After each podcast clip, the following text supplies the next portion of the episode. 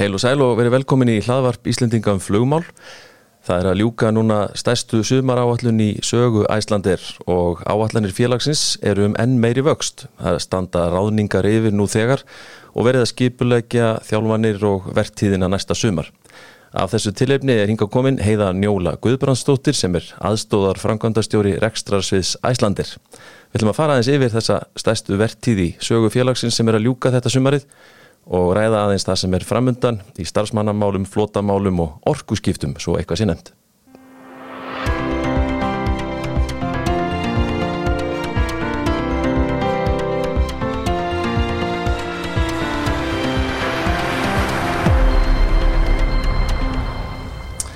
Velkomin í flugvarpi, heiðanúla. Þakka fyrir, gaman að vera komin. Þú ert, þegar ég nefndi ingangi aðstóðar framkvæmdastjóri Rekstrasviðs. Svona aðeins þess að svona kynna þig aðeins inn á en förum inn í svona efnustökin hvenar og svona hvernig kemur inn í þetta starf? Já, ég semst kem til Æslandir árið 2016 og, og hef þá störf sem verkefnastjóri hjá félaginu og síðan í rauninni bara þróast ég áfram hjá félaginu og, og tek við þessu starfi 2021 og, og ég getur rauninni sagt að, að þessi ár frá 2016 þau hafa bara liðið hratt. Það hefur verið mikið um fjölbreytt og krefindi verkefni og alltaf eitthvað spennandi að, að takast á við mm -hmm. í, mhm. í þessu starfi. Og þú er búin að vera svona koma nokkuð svona viða við í atvinnulífunu áður nú kemur til Æslandir, ekki satt? Jú, það má segja það. Ég hérna, er með bakgrunn uh, frá bæði verkfræði stofu, uh, var síðan í stóriðinu í nokkur ár, uh, var í álinu mm -hmm og var þar í, í uh, ástandstýrðu viðhaldi og sérhæði mig í, í týtringsmælingum og velbúnaði uh, hitamyndun alls konar spennandi hlutum ah, ja. þar sem að ég var sérst í alverðinu í Strömsvík og þar var verksmiðan eiginlega bara minn leikvallur og, og verkefni var að finna betri leiðir til að spá fyrir um áræðanleika velbúnaðar í, í versmiðunni okay. og það var alveg gríðalega gefandi og, og lærdomsrikt ferli. Síðan hérna söðlaði ég aðeins um, fór í hugbúnaðgeiran í nokkur ár, e, þá með fókus á e, orkumál hjá skipum og, og síðan kem ég til Æslandir hérna 2016 og ég eiginlega fann á fyrsta degi í fluginu að nú var ég komin á góðan stað. Það okay. var eitthvað sem small. Ok, en er, er, er þessi, finnur þú líka á þessum síðustu árum að þessi reynsla sem þú aflar í þessum geirum sem er nú svona bísna ólíkir að þeir sé að nýtast þér í þessu starfi í dag? Ekki spurning og ég held í gegnum ferilinn þá tökum maður með sér ólíka hluti frá hverjum vinnustaf. Mm -hmm. um, stóriðan á Íslandi, ótrúlega þroskuð og flott. Uh, þetta eru mjög faglegir vinnustæðir og þannig að maður lærði greiðlega góð vinnubröð uh, sama að segja um verkfræðistofunar þannig að maður hefur fengið svona ákveðið bara uppeldi mm -hmm. á, á hverjum stað. Og líka tekum með sér ólíka hluti úr, úr hverju starfi. Akkurat, en sko þú ert uh, þú leirist með að þetta átt uh, mestar, með mestaragráði í fjármála verkfræði Já. Er eitthvað hægt að útskýra hvað maður lærir í slíku námi eða Já, ég skal gera heðalega til hún sko, ég, ég tek grunngráðu fyrst í vilaverkfræði og síðan er það á þriðja árinu í vélaverkfræðinu að loka árinu í grunnáminu þar sem að ég tek kurs sem heitir hagverkfræði og þetta er árið 2007-2008 um, og efnahagslífið í mikill uppsefli og þar kemst ég kynni við uh, svona þetta, þetta nám og það heitlaði bara gríðarlega. Um, grunninn mikill áhuga á starffræði og og líkindareikningi og tölfræði eins og undarlega og það hljómar um, þannig að það er eiginlega það sem greið mig. Og ég fer síðan í, í mestrarnám í fjármáluverkfræði þar sem að þú ert að í rauninni læra svona, mekanísk, svona mekanisman á bak við þessa fjármála gjörninga, uh, framverka samninga, afleður og eitt og annað en síðan þróast þetta í rauninni þannig að Ég byrja í meistarnáminu hausti 2008 hmm. og bara stuttu fyrir Guð blessi Ísland. Akkurat. Þannig að þetta var ótrúlega áhugaverður og lærdomsríkur tími. Mm -hmm. Við vorum með mikið af kennurum beint úr atvinnulífinu og, og semir hreinlega viðkendi að þeir væru bara að breyða magasýrutöflur og, og voru síðan að kenna okkur hérna aðferðafræði bak við einhverja samningagerð og, og bættu síðan við en ég veit ekki hvort að verði leifilegt að nota þetta aftur. Já. Þannig að þetta var ótrúlega sérstakur tími. En, en í grunninn má segja að, að þetta er nám sem að grundvallast á mikilli e, líkitfræði, tölfræði, starffræði og það nýtist manni nánast í hverju sem er. Akkurat. Og, og aftur að þínu starfi í dag, það lítur að koma þá vantilega stertinn eins og maður nefna hér sko áallanir félagsins núna fram í tíman. Er það þá svona það sem er á þínu skrifborði frá degi til dags? Já, sko. E, fluggerinn er ótrúlega dýnamiskur þannig að það er oft sagt sko að þú vinnur í flugjarunum, þú veist ekki alveg hvernig dagur þinn verður Nei. en það sem, að, það sem að ég ber ábyrð á og, og vinn í svona frá degi til dags uh, það er fyrsta lagi ábyrg fyrir stjórnstöð félagsins í Keflavík og þar eru við í rauninni að reyka flug áallinina innan sjötaga glöggans um, flug áallinin sem slík auðvitað stórt og flóki kerfi og kallar á alls konar ákvarðanatöku. Og þannig erum við alltaf í þessari vekkferð að bæta ákvarðanatöku grundvallana meira og meira á gögnum. Mm -hmm. þannig að þetta talar stertinn í það. Síðan eru við alltaf að skoða hvernig við getum látið hlutin að ganga enn betur. Já. Með því að plana okkur vel ebla áallanagerðina og þar geti ég nefnt að samspil þessara ólíku þáttar mm. sem múst að fást við í ofur einföldu máli fólk og flugvilar allt er þetta ganga upp. Uh, hvernig lítur áallunin út, hvað kallar hann á með tilliti til flotans, hvernig stillir þið þá rétt af í fjölda flugmanna, flugfreg og þjóna, starfseminn á hlaðinu og svo framvegis og svo framvegis. Þannig að þú bætu sér hann ofan á þessu dýnamíska umhverfi mm -hmm. að þá vindur þetta fljótt upp á sig og er bara greiðlega skemmtilegt að, að taka stáfið með, með góðum hópi fólks. Já og þetta eins og segir, það, það er bæði verið kannski að horfa til svona skemmri tíma í plönum og svo náttúrulega reyna eitthvað að rýna í kristalskúluna til lengri tíma, ekki satt? Jú, það er auðvitað alltaf áskorunin Já. og sérstaklega núna eftir COVID, má segja, Já. þar sem að útsýnið í kristalskúlunni vestnaði mikið, Einmitt. en ég myndi segja núna, sérstaklega með þessu ári, að þá erum við nú komin í aðeins svona eðlilegra umhverfi, ef maður getur sagt sem svo. Maður, er maður farin að sjá núna finnst þið svona aðeins betur og lengra fram í tíman, þú veist, er svona...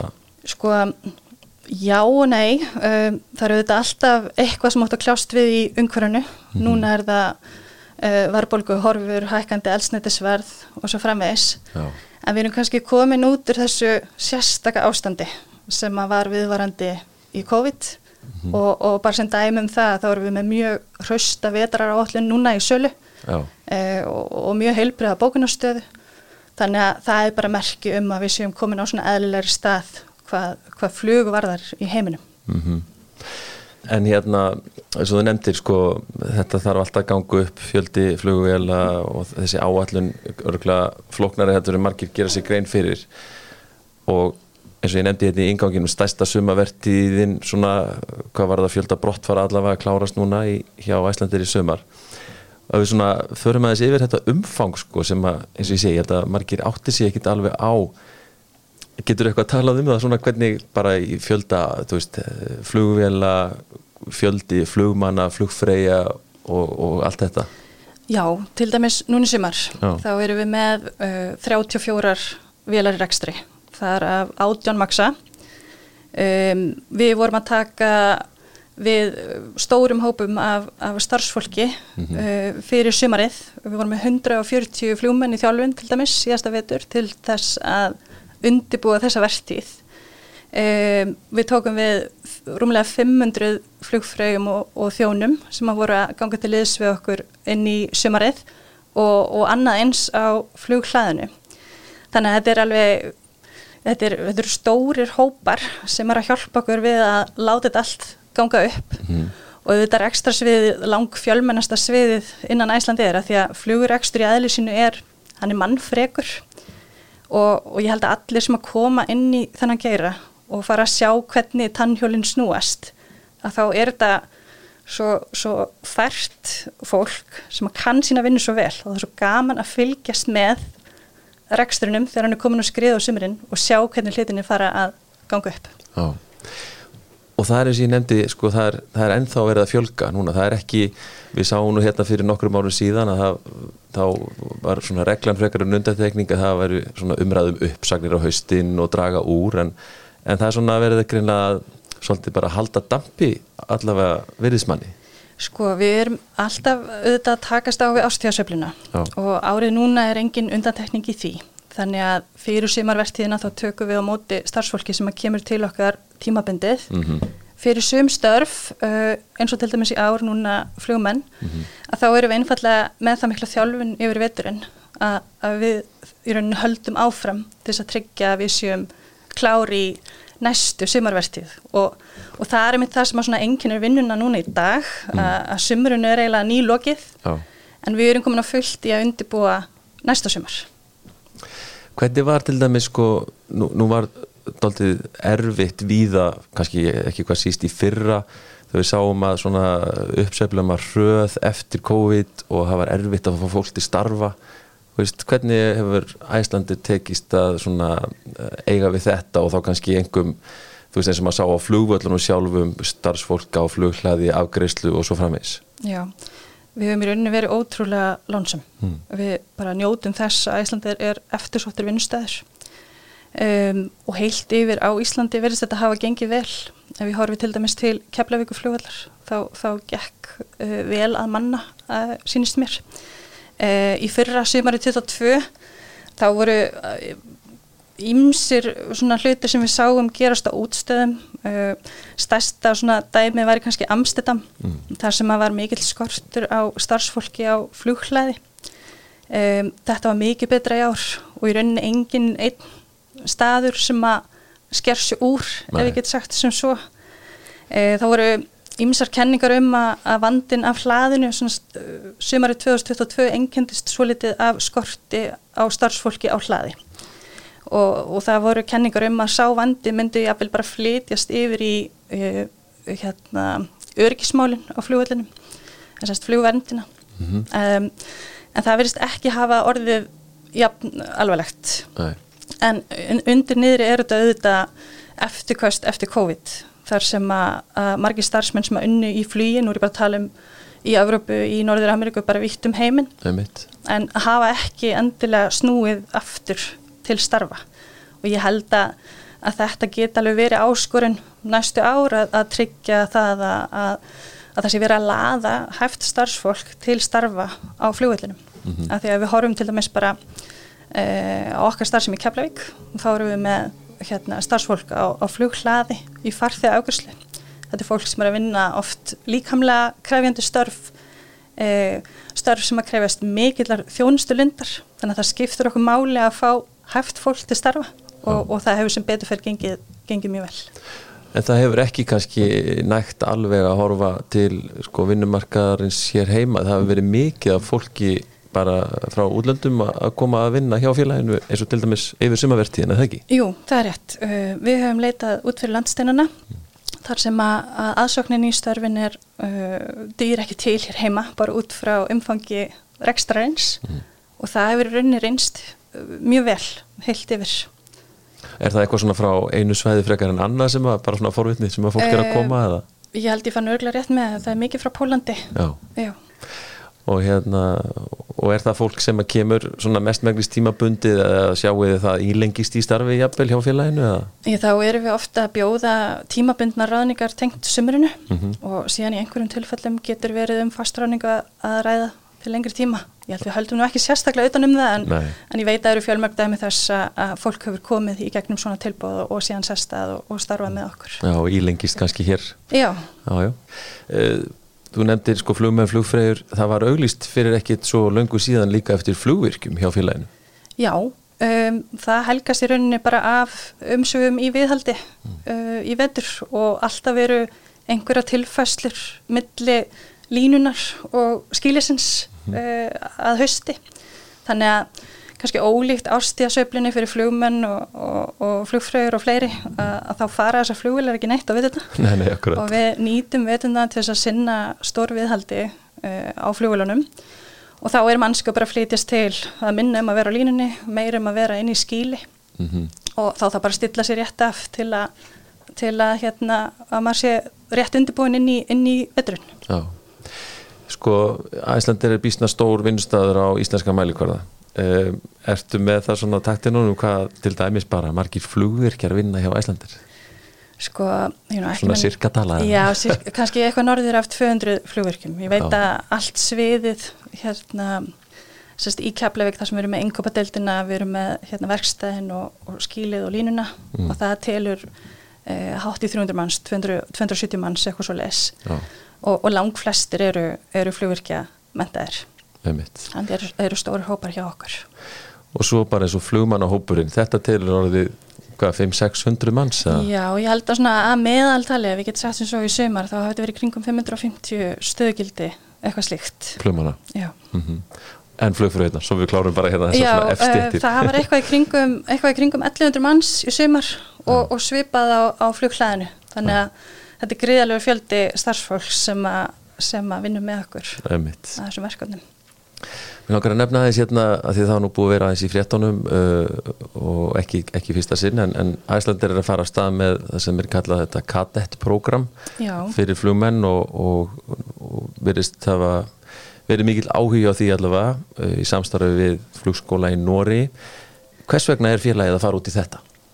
Já, við heldum nýlega kynningafönd mm. sem var mjög vel sóttur ég held að það hafi hátt í 200 manns sem að mættu og markmiðið með honum var í rauninni fyrst og fremst að kynna flugmannstarfið og, og, og kynna það sem framtíðarstarf auðvitað líka að kynna fyrirtækið okkar og uh, þetta er auðvitað bara innblásið að því að hvetja til frekara flugnáms. Við sjáum það núna eftir COVID árin að við erum með 2-3 ára gap eiginlega í aðsókn í flugnám mm -hmm. og, og við teljum að það þurfum við að, að breyðastu því. Þannig að þetta er skref í, í þá átt og, og kannski líka bara til þess að vekja aðtegla því að e, flug og, og í rauninni flug og ferðarþjónust á Íslandi er mjög veigamikil þáttur efnahagslífsins mm -hmm. og það er mikilvægt að það sé staðið vörð um þessa mentun til þess að tryggja það að, að greinin geti vaksið. Var eitthvað leitað eftir samstarfið við flugskóla Hérlendis, veistu það?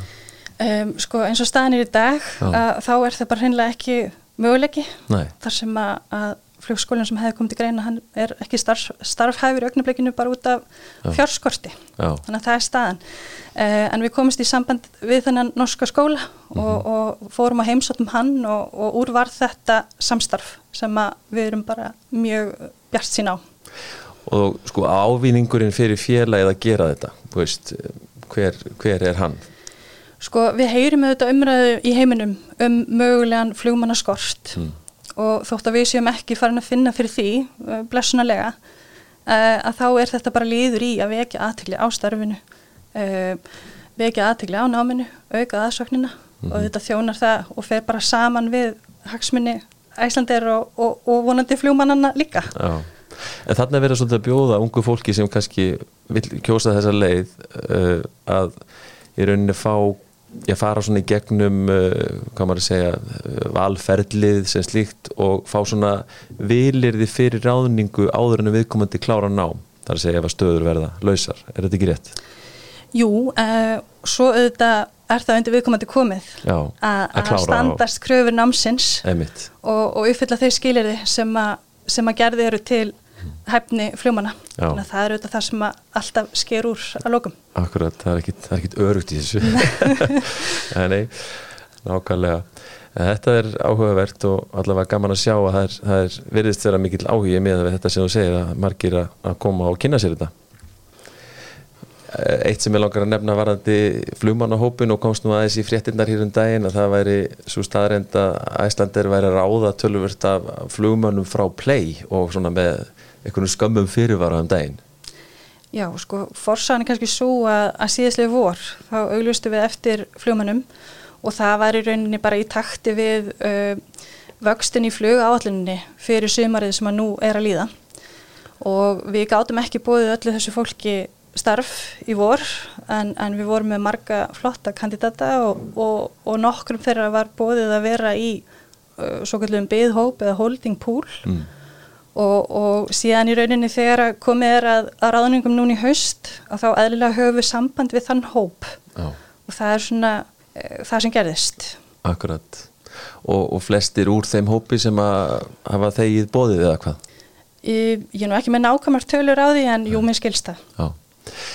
En hérna svona til þess að kannski klára þetta var þetta svona starfsmannamálinn og, og fjölda og slíkt eh, plönin núna eins og þau líti út fyrir næsta sumar. Er það bara, er það mikill vöxtur frá því sem við sáum í sumar eða?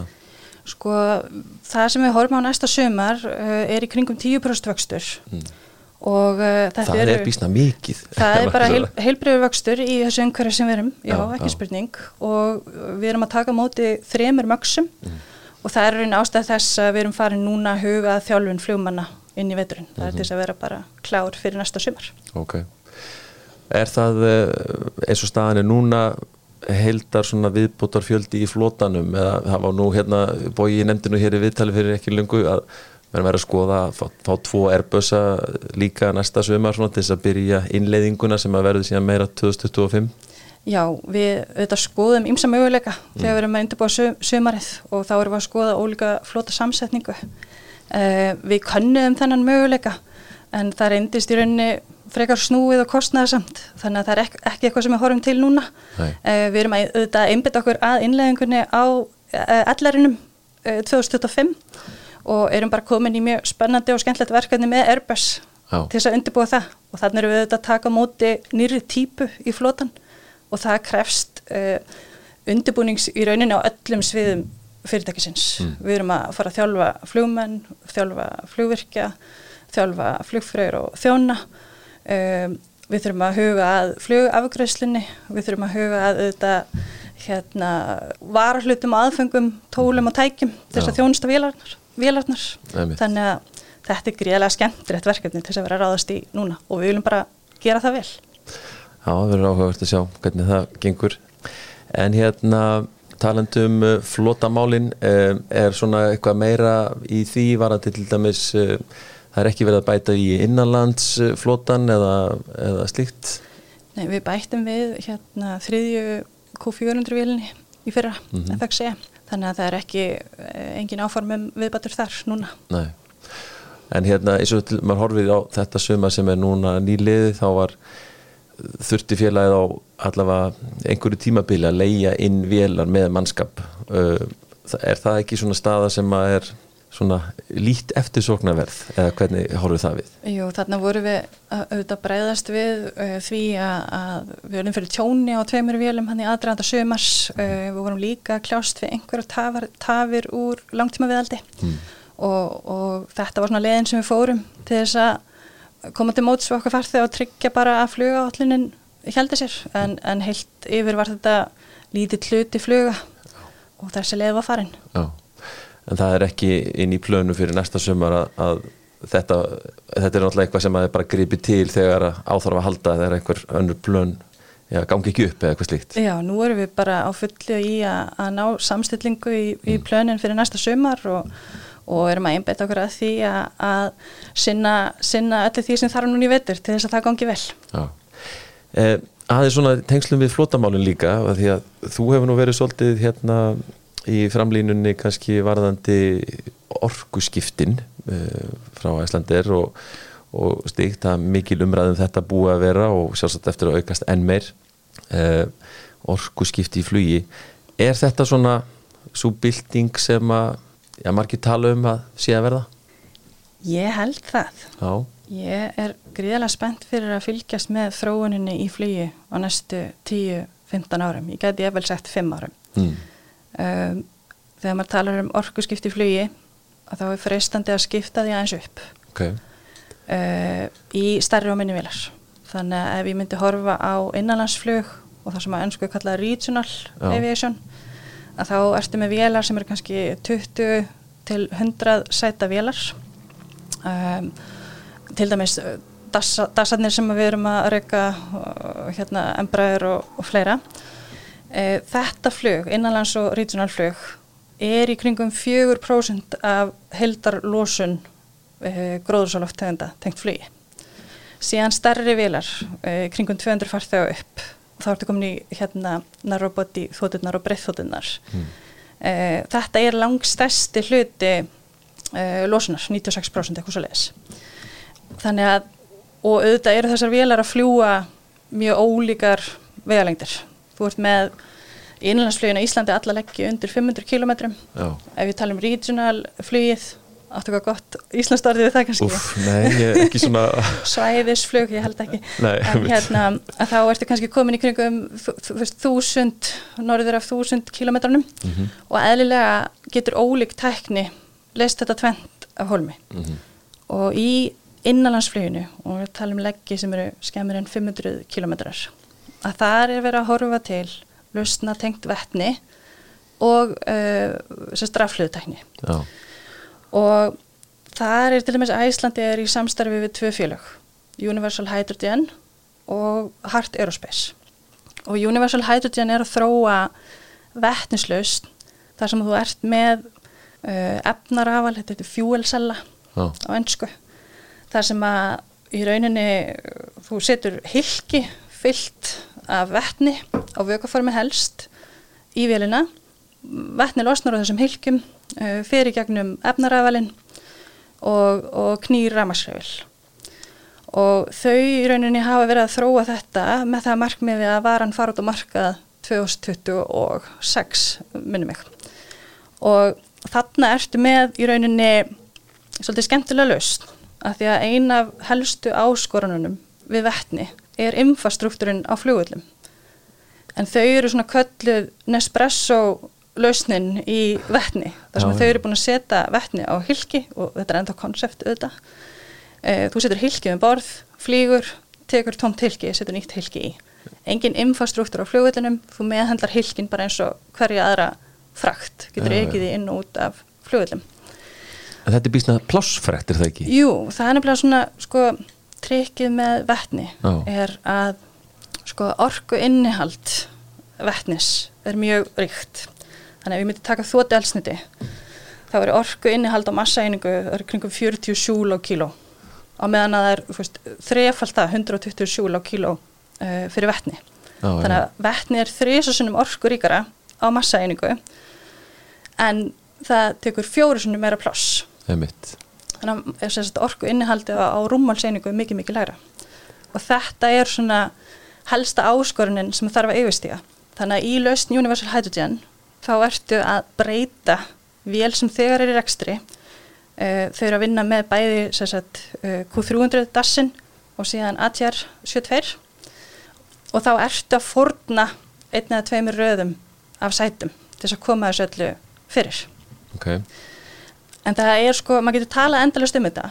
En ég fekk tækifæri til að vera viðstödd fyrsta pröfuflugið hjá Universal. Og það var það er bara eitthvað annað að fá að sjá þetta. Já. og ég finna líka ég með vídeo af fyrsta fluginu og þú getur talað endalust um þetta. Mm. og svo sínur fólki vídeoið og það fá allir gæsa á það og þá varstu sem sagt með um, þeir, þau eru búin að kaupa Q300 VL sem eru búin að breyta hægri hreflinu Já og uh, þetta fyrsta pröfuflög, þetta var hérna í mars 2002 uh, og þá faraði þess að stíl loftið á vettninu og, um, og fljúa þarna í einhverjar 15-20 mínútur eða svo draga alveg af vinstramegin og lenda svo aftur heila hói. Mm. og það sem var svo magnað að sjá að það er að, að þegar þú notar vettni í svona efnarafal þá gerist tvent uh, vettni það binst við súröfni e, það losar um rávorku og það býr til hinn afverðin er vatn og hitti þannig að þú sér bara vasku koma aftan úr vilinni þannig að þetta er auðvitað bara svona stórt skref á þessari leið og þetta var reyfill í megavattaklassa e, og, og í rauninni bara fyrsta skrefið af mörgum í átt að því að, að koma þessari vöru á, á markað. Okay en sko, svo ég hoppaði hans yfir í alþjóðaflögið að ef maður ætlar að fara að tala um vettni í starri vélum 200 seta vélum sem að þurfa að komast hraður og lengra að þá dugar þessi tækni ekki til. Nei.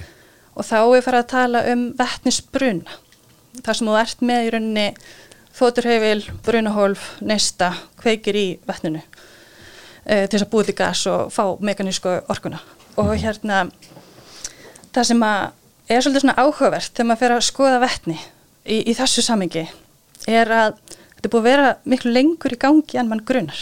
Þegar verið var að þróa fyrsta eða einn af fyrstu þóturheiflanum í kringu 1930 Já. þá var hann prófað með vettni NASA var að gera tilhörnir með vettnisflög 1950 Já, ok. rússarnir flugu sko Tupolev hérna 155 eða 154 ég manna ekki alveg e, í kringu 1980 þar sem við vorum litið einn hreyfileg ganga fyrir Já, já. og svo bara gerist ekkert í öll þessi ár eða lítið.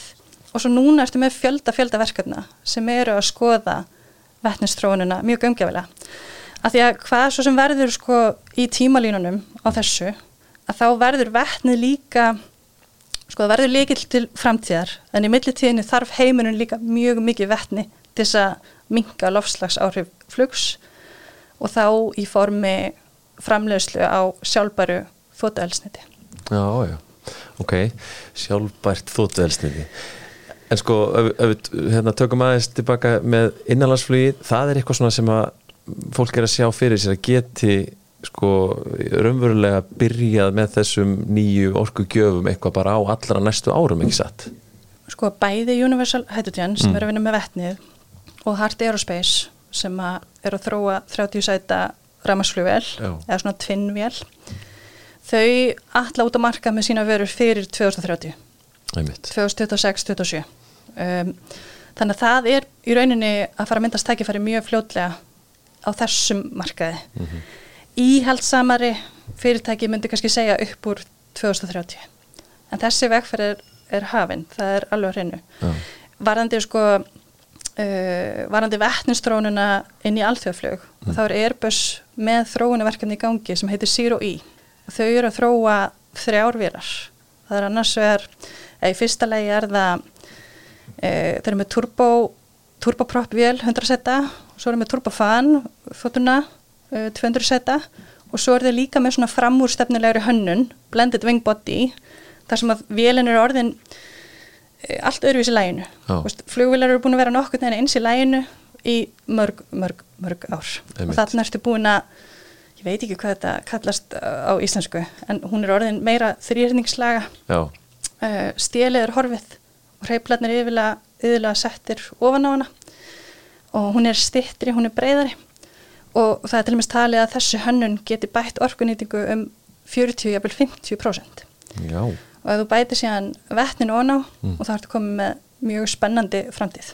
Akkurat. en þarna ertu kannski komin lengra inn í framtíðina en þetta myndi þetta kalla á allt aðra innviði allt öðruvísi traffikum fljóðvillin öðruvísi hlið og vettnið yfir höfuð í þessu formi. Já, þú veist, þú ert komin úr hérna Nespresso-lausninni og þú ert farin að höndla með fljótandi vettni þá er það í rauninni tæknilega flóki líka því það er svo kalt það er í mínus 250 gráðum eða svo. Já, já. og, og það kallar það á veist, nýja hönnun flugvilarinnar aðra innviði og, og bara aðra hönnun í kringum öryggi flugvilarinnar Ok. En þú nefndir þetta sjálfbæra þóttu elsniti uh, sem sagt í tengslu við þetta. Getur aðeins útskýrt, er, er það það sem að heitir SAF Já, SAF, SAF, harriðt sko, ef ég færi mig úr hálöftunum og aðeins næri okkur í tíma. Já, að þá er e, lofslagsmálin er orðin mjög stór þegar kemur að, að flugi. E, heilt yfir eru áhrif flugs í lofslagsmálum um 23% e, það sem að mun vera svona stærsta lausn flugsins næstu fram til 2050 skulum við segja það verður að megninu að skipta úr hefbundnu þóttelsniti yfir í SAF og hvað er SAF?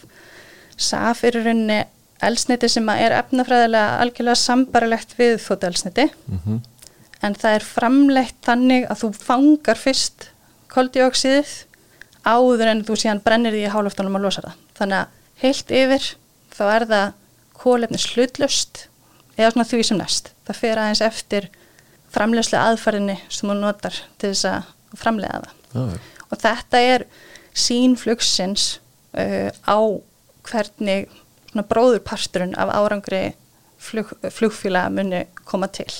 Til að mynda uh, álíktaði IATA, alþjóða samtök flugfélaga um þetta 2021, þar sem að SAF, eða sjálfbært tótuelsniti, verður uh, um tveir þriðju hlutar af árangri í lofslagsmálum fram til 2050. Uh, IK sem er svona saminuðu þjóðastofnun flugsins Mm. álíktaði árið setna og komst að mjög sambarilegri niðurstöðu. Þannig að þegar kemur að því að minka áhrif eða lofslags áhrif flugs til framtíðar þá var engin ein lausn að fara að bjarga heiminum. Nei, Þú verður alltaf með sambland af öllu þessu sem við erum búin að vera ræða hér.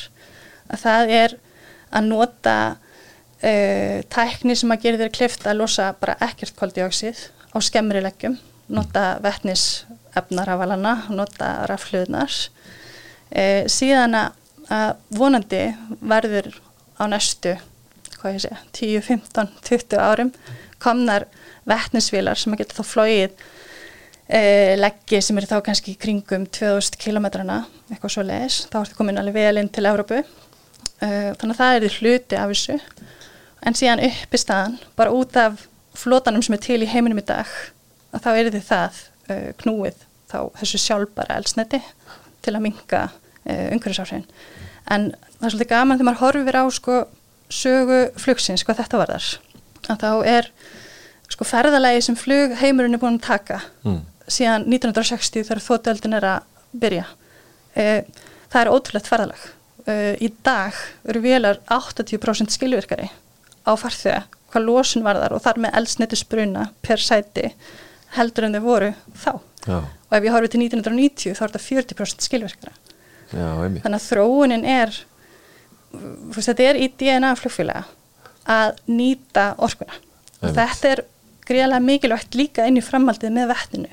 Af því að þegar þú ferð að framlega vettni, þá þarfstu auðvitað að framlega það á umhverju svennan hátt svo heldar áhrifin séu jákvæð. Mm Að þá viltu auðvitað vera komin á þann stað að þú sést eins skilvirkur í orku nýtingunniðinni og þú getur áður en þú ferða að, að nýta vettnið sem að er orkufrækt framlýslu ferli í rauninni að, framlega. Og er þetta SAF, er þetta komið einhvern veginn svona inn í, í dag eða Um, já, vissu leiti. Já. Um, sem sagt á stöku stað í Evrópu, til dæmis uh, Oslo, uh, eitthvað í Köpen, uh, eitthvað í Svíþjóð, eitthvað í, í Fraklandi, er, uh, eru flugfélög og æslandir þar á meðal að, nota þóttuelsnefni sem hefur íblandað SAF. Og þetta er þá gert út af svona, hvað ég segja, metnaðist í einstakra þjóða. já, Það er bara svolítið áhugavert í lofslagsmálunum að þá eru stundum lönd sem að vilja vera best í heimi í lofslagsmálum já, og líka heimsálur sem að vilja vera bestar í heimi í lofslagsmálum og Evrópa er þar á meðal. einmitt með, með sína frægu hérna kólefnis kóta og, Já. og, og gjöld og, og tolla og allt það En það sem er í rauninni að koma til okkar frá uh, ESB að það er uh, svona stór reglugerðar pakki sem að nefnist Fit for 55 og, og það er pakki sem er ætlað að raungera uh, svona stefnu markmið Európa-sambandsins um að verða fyrsta heimsálan til að vera kólumnis hlutlaus í heiminum.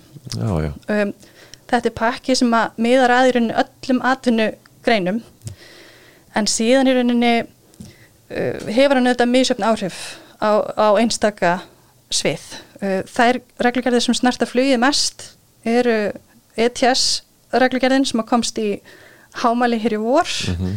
og síðan uh, myndi ég nefna líka reglugerð sem heitir Refuel EU en hún fjallar sérstaklega um íblönduna kröfur á SAF í þóttelsniti ok. Og það, sem sagt, svo íblöndun hún, hún hefst strax árið 2025 þannig að frá með árinu 2025 þá að allt brottflug frá Evróska efnahagsveðinu og Ísland er þar á meðal Mhm.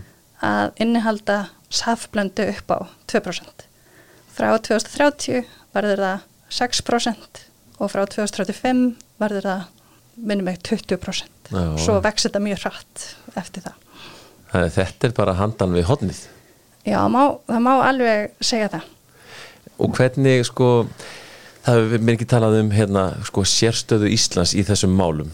Uh, þú veist, hún er töluverð eh, og hún ætla að vera gaggrínt hérna af, af fórsvarsmennum flugfélaga. Þú veist, að, að þetta sé ekki hort til meðal annars sérstöðu Íslands þegar það kemur að þessum ETS málum Já, sko það sem að maður geti bent á þar mm.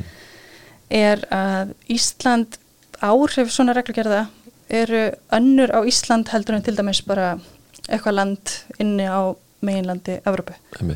Og ástæðan er landfræðileg lega mm -hmm. Íslands.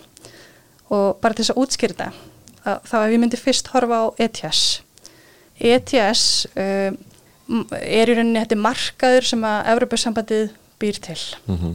uh, og hann segir að allt flög sem á upphásin og endi innan EES að þar skuli greiða fyrir losun og fyrir hvert tonn sem ég brenni af þóttu elsniti losa ég sem nefnur 3,15 tonnum af koldjóksi. Ef að ég horfi á síðan viðskipta mótel Æslandir, við erum að tengja Evrópu og Norður Ameríku um Ísland, að þá er mjög auðvelt að sína fram á hvernig hlutinir bjagast fljótt. Okay. Ég, ég geti til dæmis tekið dæmi, um, ég er farð þegar ég er að fljúa frá París um Ísland til, segjum bara New York. Ef ég flýg með flugfélagi sem að reykur tengi miðstöð á Íslandi, að þá í rauninni fellur ETS kostnæðurinn á leggin París Keflavík, mm -hmm. en ekki á leggin Keflavík New York. Aftur á móti, ef ég er flugfélag sem að flýg beint frá París til New York, þá er í rauninni engin kostnæður tengt ETS. Nei. Síðan getur við tekið máli lengra kannski er ég að fljúa breyðþóttu beint frá Paris til New York og meðan að Æsland er eða eitthvað íslenskt flugfélag myndi fljúa uh, Maxinum mm -hmm. eða þrýr 20 fjölskyldunni mm -hmm. að þá gætu við alveg síða dæmi þar sem að losun per farþega er minni fyrir tengimiðstöðina heldur en beinaflýðið yfir samt er kostnæðurinn mestur þar. Og það er þetta ójafvægi sem að eh, við höfum verið að vekja aðtegli á. Mm -hmm. Já, maður vil ekki til að gera lítið úr sko ambisjónum ESB en manni finnst bara að því að flugið er svo á heimsvísu að þá er þetta alltaf svona hefur þetta finnst manni takmarkað takmarkað upp á sig að vera með þetta í einhverjum hluta af heiminum og það er auðvitað eitt af því sem hefur verið bent á í þessu sambandi. Um, það er líka komið til tals að útvika gildis við ETS uh, reglugjörðarinnar þannig að hún taki á öllu brottflý frá uh, Európska efnahagsveðinu þannig að ef ég bara tek á loft frá Európska efnahagsveðinu að þá gildi þessa reglur. Nei, og þá getur við sagt að ef ég er Európst flugfélag sem flýg aftur frá París og beint til New York mm -hmm. þá myndi ég þurfa að borga. Nei, en ef ég er amerist flugfélag sem að flýg frá Paris til New York þá greiði ég ekkert. Þannig að bæði ert að sjá ójöfna stöðu landa innan Evrópu en ekki síður samkeppnishefni Evrópu gagvart öðrum heimsálum og það er líka það sem að maður bendur á að þegar að regluverkið virkar svona þá skapast hætt á kólefnisleika kólefnisleki er bara þegar að losun færist frá einum stað til annars þar sem að reglur eru rimri eða kostnæður minni mm -hmm. og það er alveg raunhafur möguleiki sem að myndi þetta hafa áhrif á fljóðrækstrinn. Þá stóða lítið að sko berja sér á brjóst í Európu þegar heldar losunin í heiminum er bara eh, svo sama eftir sem áður. Já, það gerir það og, og það er líka bara áhugavert í þessu að horfa ólíkar nálganir heimsálfa.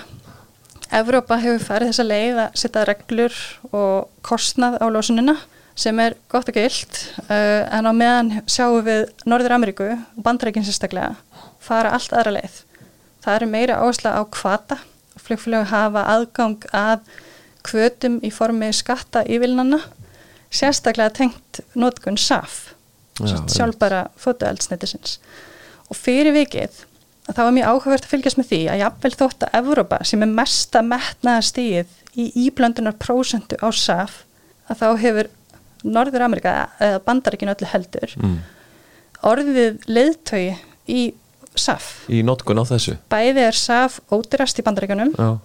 og flest verkefni sem að miða því að skala upp framlegslu og safi heiminum eru að mótast svolítið þar.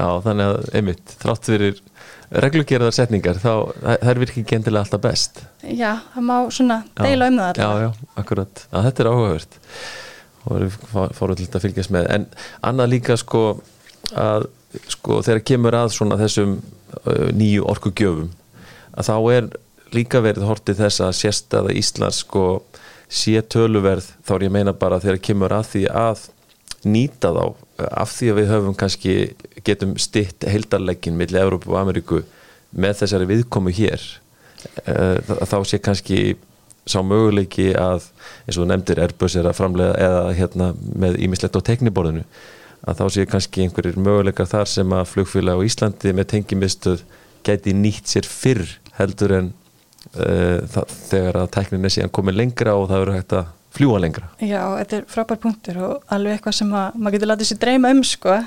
Og ég minna, maður þarf ekki að hugsa langt aftur. Þegar að þotan er að stiga sín fyrstu skref, ef ekki orðað sem svo. Mm.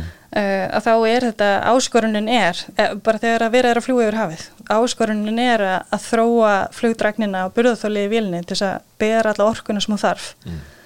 og á vissu leiti stendur þú frammi fyrir svipaðri áskorun, það má alveg segja það. Þannig að hver veit hvað framtíðin byrju skvötið sér En hvað er svona, svona til þess að slúta þessum orkugjafamálum? Uh, hvað er svona ef eitthvað, eitthvað sérstætt á döfinni hjá þér svona í tengslum við þessi, þessa vinnu núna á næstunni? Þessa vinnu, uh, við erum auðvitað alltaf í bara mjög góðu sambandi við bæði Universal, Hydrogen og Hart Aerospace. Og, og Æslandi eru til dæmis í ráðgjafanemnd uh, með Hart Aerospace. Og það stýttist til dæmis í fund hjá henni og þá fáum við að heyra af öllu því nýjasta sem er í, er í gangi á þeim. Mm -hmm. þannig að það er eitthvað til að, til að hlaka til. Já, glæsilegt. Þetta er spennand alls saman. Eh, Mér langar að ræða þessum hérna, þessa uppbyggingu félagsins í Hafnafyrði núna, það stittist óðum í að nýjar höfustöður verði alfarið komnar í notkun þar. Er það allt saman á, á plani? Já, mér skilst það, það hérna, uppsteipinu nýla lókið eða því sem næst og, og planið hefur verið að flytja í lók árs 2024 og það verðist bara allt vera á áallin. Og þá, þar með líkur þessari viðveru í, í Vassmýrinni? Já, Já, það verður ákveðin kapla skil. Já, akkurat. E, tengslum við það, e, sko nú að fara að taka í nýja tegund, erbössin, e, menn hafa talað með um það þurfum við þá að koma nýr flughermir er búið að taka einhver ákvörðun með það og, og þá þarf að byggja upp uh, meira eða hvernig er svo staða? Já það er bara hérna mun að öllum líkindum koma Airbus hermir mm. uh, það er bara gefið mjög goða raun að vera með þjálfunarsettur í, í hafnafyrðinum og við viljum halda því áfram hvað varðar uh, þá 57 hermin mm. og þá likur ekki alveg fyrir hvaða leið verið farin þar það er bara eitthvað sem að við erum að skoða þessa, þessa dagana. Hvort að hann fer eða já, meinaru, já, já. og rými fyrir nýjum. Skilvig En það er líka svona þegar félagins og æslandir er að vaksa hratt þessu fylgir alls konar vaksta verkir og, og slíkt. Uh, finnir þið fyrir því að svona sem verði í framlýðinu í, í reksturinnum að að það þurfum aðeins að reyna líka að bremsa sig af í að blása ekki ómikið út og, og kostnaður verði til á hinnum og þessum stöðum sem þarf ekki? Ég held að þetta sé bara mjög rótgráði í okkar kultur mm. að vanda sig og, og geta aðhalds þegar það kemur að öllu stíku og heilt yfir held ég við séum bara með mjög stert lið sem er að gera þetta á mjög skinsamlegan hátt. Mm það var svona talað um það í COVID-un það var það að skera niður í öllum deildum náttúrulega og stóðdeildum og svona og nú er þetta að vaksa mjög hratt og þetta er vandarsamt verk væntalega að, að svona að þetta stækki allt svona í réttum hlutföllum getur maður sagt. Jú, auðvitað og ég minna semt þarf ekkert að vaksa með, með hérna eftir því sem að reksturinn skalast upp Nei. og það er auðvitað alltaf bara verið að geta skinnsemi í því sko. Mm -hmm. Akkurat eh, nefndum hérna aðeins 757 flughermin uh, þessi sem að hefur nú stundu verið kallað gamla þjóðar þóta Íslands uh, sko plönin í dag er komin svona endapunktur á hennar notkun Sko við erum að miða við að vera með hann í rekstri hérna til í kringum 26-27 mm. og uh, svo erum við að taka við ellarunum frá 2025 mm -hmm. XLR-in kemur til okkar 2029 og svo er það í rauninni bara verkefni okkar núna að stilla upp þessum, þessum uh, plönum öllum mm -hmm. þannig að þetta gangi upp við áallanir félagsins Já Svona áður en ég sleppi þér uh, alveg um, á haustin, það er nú svona tíminn það sem er mitt að vera að skoða næsta árið, er búið að ákveða eitthvað með svona nýja áfangastæði eða eitthvað slíkt sem að þú getur sagt okkur frá hér? Ég verðum auðvitað alltaf að skoða uh, nýja áfangastæði mm. og, og, en það sem er búið að ákveða núna fyrir næsta sömar er að við munum fljúa til færiða frá byrjun mæ þannig að það er gríðarlega spennandi viðbót við, okay. við leðakerfið Og það stendur þið næri? Það stendur mér næri, ég, ég er einn áttin til færiðingur þannig að ég hlakka til að fljúa beinstalið Já, koma þessu í lag Það er glæsilegt Heiðan Jóla Guðbrandsdóttir, takk hérlega fyrir að koma í fljóarpið og segja frá ekki síst þessum orkumálum sem er greinilega hérna, standaðir svolítið næri og, og aðeins um umfang rekstrar hjá Æslandir. Takk kærlega fyrir mig og, og bara róstu þín fyrir glæsilega þáttakjær, virkilega gaman að hlusta. Takk fyrir það. Sláum þá með botni í þetta spjall og þar til næst. Góða stundir.